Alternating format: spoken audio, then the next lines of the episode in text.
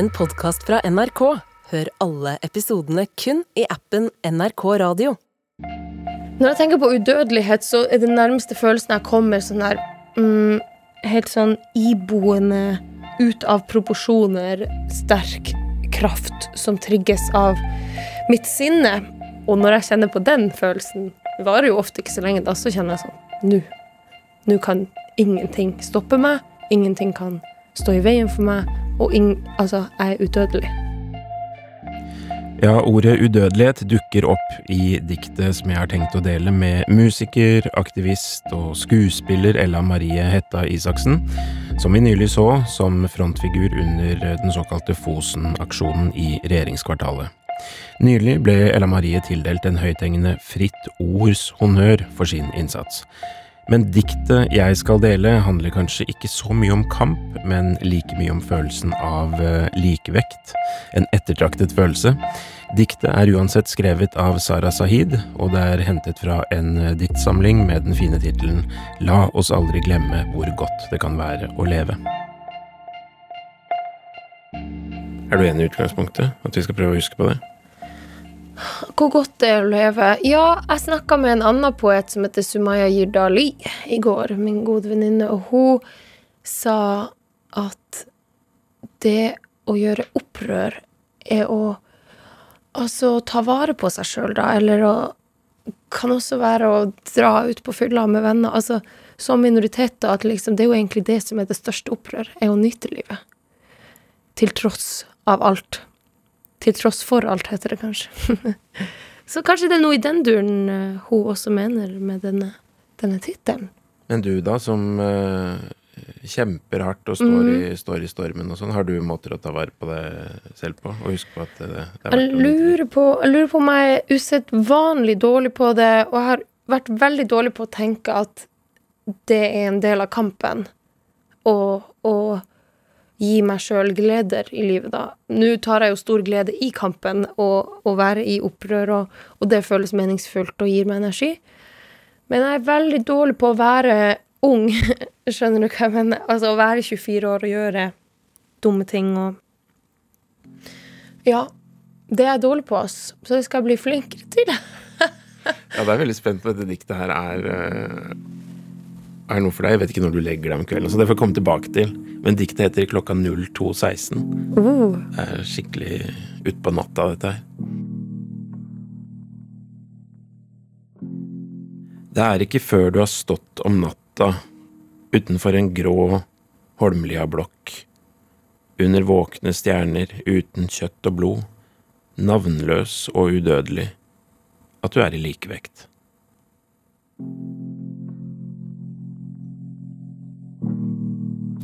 Jeg sender det over til deg, så har du det. Sånn.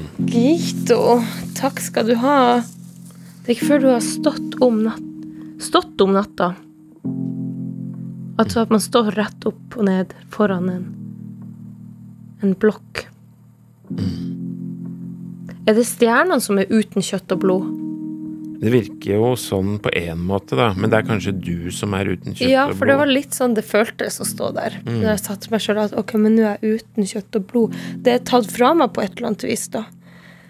Nå begynte jeg å, å tolke det, men at du er i likevekt For meg er denne følelsen sånn når du kommer hjem, eller når jeg kommer hjem etter aksjonen, ikke sant, og jeg tar av meg kofta for første gang på ni dager. Jeg har sovet i den, jeg har Ikke sant og så klarer jeg den av meg, og, og, og den er slitheten Altså, man er så sliten, man er så gjennomsliten at man er nesten uten kjøtt og blod. Altså sånn Alt det Det er ikke noe igjen. Det er bare et skjelett som står rett opp og ned um, foran blokka hvor jeg bor, da, ikke sant? På Sagene, vel å merke. Også, men så er det likevel en følelse av likevekt eller en følelse av at det er akkurat sånn her det skal være for meg, eller det er akkurat, akkurat nå er jeg i mitt ess. Fordi at nå har jeg gitt alt jeg har, og da kan jeg i det minste gå og legge meg med god samvittighet.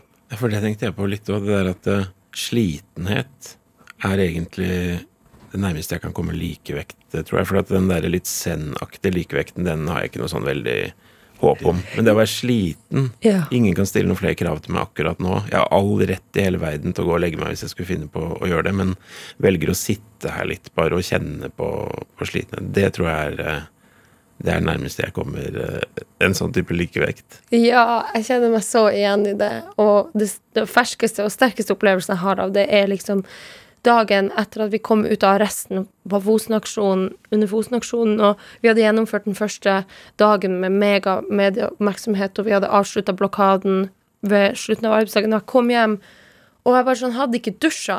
Og så skulle jeg inn i dusjen, for jeg visste at det var det riktige å gjøre nå. det var å dusje, men jeg bare sto rett opp og ned i stua. Og, og nesten sånn så meg sjøl, måtte gå og se, se meg sjøl i speilet og bare stirre meg sjøl i øynene. Og liksom bare ta et, ta et øyeblikk før jeg kledde av meg og gikk i dusjen og liksom tok vare på meg sjøl. Fordi at det var ja, en følelse av likevekt, det er kanskje riktig ord. Eller bare det å mm, Hvor deilig det er, da, å, vite at nå har jeg rett til å ta vare på meg sjøl. Og så er det kanskje noe usunt i det da at man må så langt før man kan være fornøyd med egen innsats. Men da er det iallfall ikke noe tvil lenger da om at ja, men nå, jeg vet at jeg ikke har noe mer å gi akkurat nå. Veldig mange har vært veldig bekymra for meg etter denne siste tida, fordi at jeg har jobba veldig mye og, og ofra veldig mye for denne kampen. Og så kjenner jeg sånn at Men jeg har det jo på mange måter bedre enn noen gang, fordi at jeg øh, Det er forløsende å få gjøre det viktigste. Um, selv om det krever enormt mye og konsentrasjon og energi, og du, og du setter livet ditt på vent og alt sånn, men, men det er som om Som om jeg er nærmere å gå på veggen på Liksom Hvis jeg føler at sånn Jeg er klar til å jobbe, men jeg, men jeg vet ikke helt hvor jeg skal begynne, eller, eller jeg, får ikke helt gjort jobben min. Altså, skjønner du? Bare når jeg sitter hjemme og ikke ikke føler at jeg gjør noe forskjell, da. Da, da blir jeg sånn urolig og Ja. Mulig jeg beveger meg litt bort fra diktet, men det er bare det der ordet likevekt. Ja. Det er litt pirrende Ja. Jeg, altså Det er ikke før du har stått om natta utenfor en grå Holmlia-blokk under våkne stjerner uten kjøtt og blod, navnløs og udødelig, at du er i likevekt. Man blir liksom nysgjerrig på hva som har skjedd her, da. ja. Hvorfor har hun blitt navnløs og udødelig? Er hun anonym, på en måte, og er navnløs? For det kan jeg kjenne på av og til, som også offentlig person, at det å hele tida bli gjenkjent rundt omkring, det er veldig rart, og veldig sånn Det, det oppstår et stort ubehag i meg.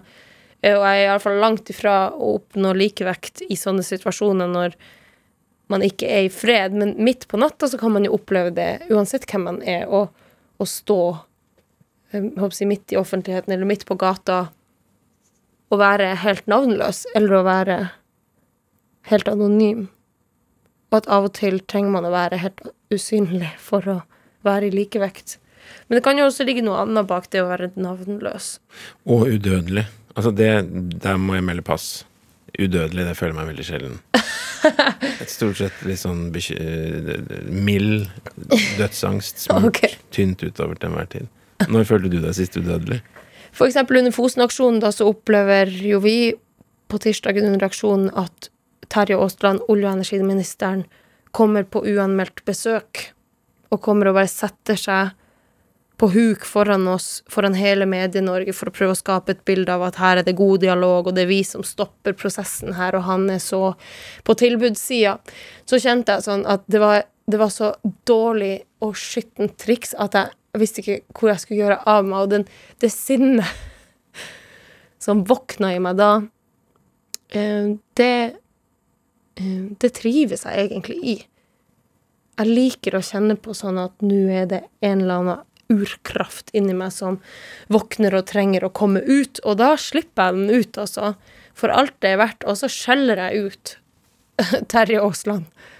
Og egentlig så svartner det for meg at jeg sånn oppriktig ikke har kontroll over hva som skjer, men akkurat det som trenger å skje, skjer. Skjønner du? Og da kan jeg føle sånn Den her krafta som nå det, det som du trigger her i meg nå, det, det kan ta meg Det kan ta meg på andre sida av verden. Jeg kan fly med denne krafta her. Altså, skjønner du? Bare sånn mm, For det er urkraft. Altså det er sånn Jeg er sint på vegne av så mange generasjoner samer. ikke sant? Det ligger i ryggmargen min. Jeg har arva dette sinnet. Og, og, da, og når jeg kjenner på den følelsen, det varer jo ofte ikke så lenge, da så kjenner jeg sånn Nå. Nå kan ingenting stopper meg. Ingenting kan stå i veien for meg. Og ing, altså, jeg er udødelig. Ingenting kan ta livet av, i alle fall, den, den krafta, eller pågangsviljen, da. Og så går Terje, og vi liksom skriker han vekk, og så er det som jeg kommer til meg sjøl igjen etterpå. Og da kan det være sånn uh, Ja, men skjønner, akkurat som en sånn kraft tok plass i kroppen min og forlot meg igjen. Og, og det er kanskje det nærmeste sånn følelse av udødelighet uh, jeg har, for da kjenner jeg sånn at det er ingenting i en mils omkrets som kan stoppe meg fra å si det jeg skal si nå.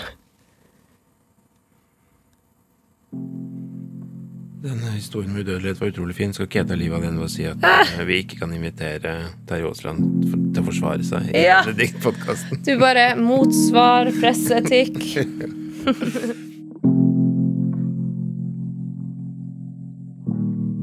Klokka 02.16. Altså, jeg Hvis jeg ser på klokka den er 02.16, så er det antageligvis fordi jeg har sovnet og våkner igjen og tenker sånn Søren, jeg kommer jo ikke til å Jeg er altfor våken, jeg kommer ikke til å sovne igjen.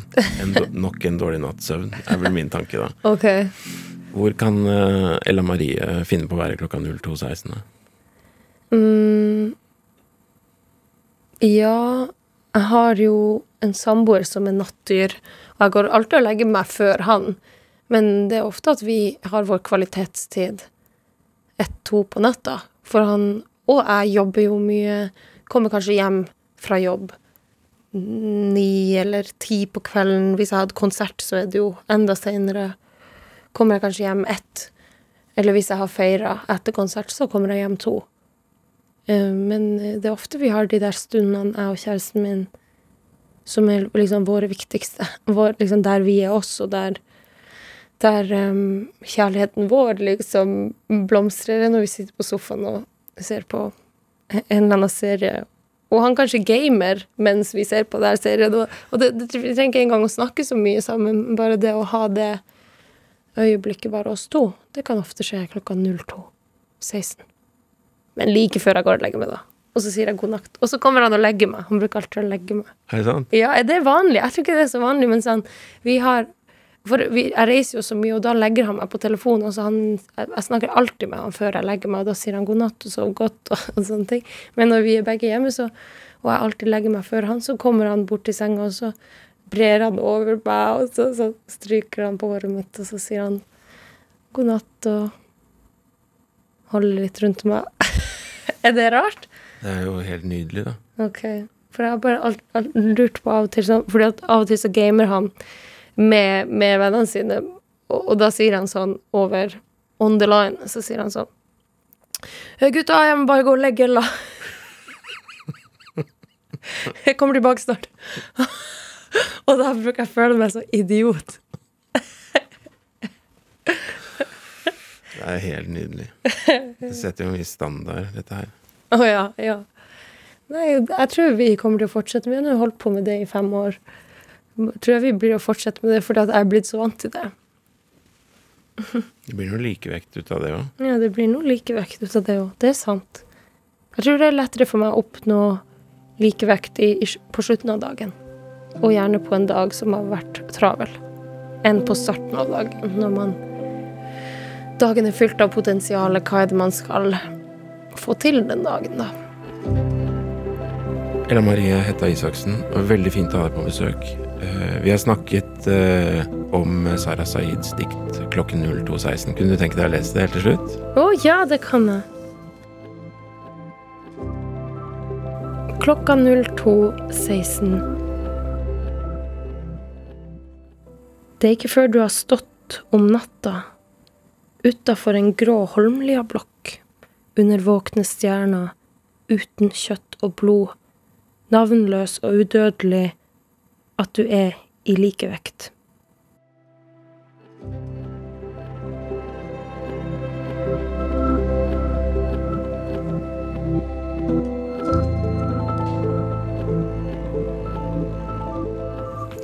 Skal vi se Holmlia nekter, tror jeg, har en, et samisk stedsnavn. Um. Hva skjedde, skjedd, Marie? Kan du fortelle hva du har gjort? Nå har jeg gjort et så godt forsøk som jeg kan på å oversette klokken 02.16 diktet av Sara Saeed til nordsamisk. Kult. Gleder meg til å høre. De må nulla kuokte kuhtunut blokkai. I oudelkola chudjon ihku. Olko belranis holmlia blokka. Kohtsi naasti fulabel. Pirkkuja varahaga. Nama kähtää ja jaamme mähtun. At läät taas se teettus. Så fint. Det er et poetisk språk, skjønner du. Syns du? Helt dratt inn i det. Det var ingen lost in translation her for meg nå. Jeg var helt, uh, helt med. Så bra.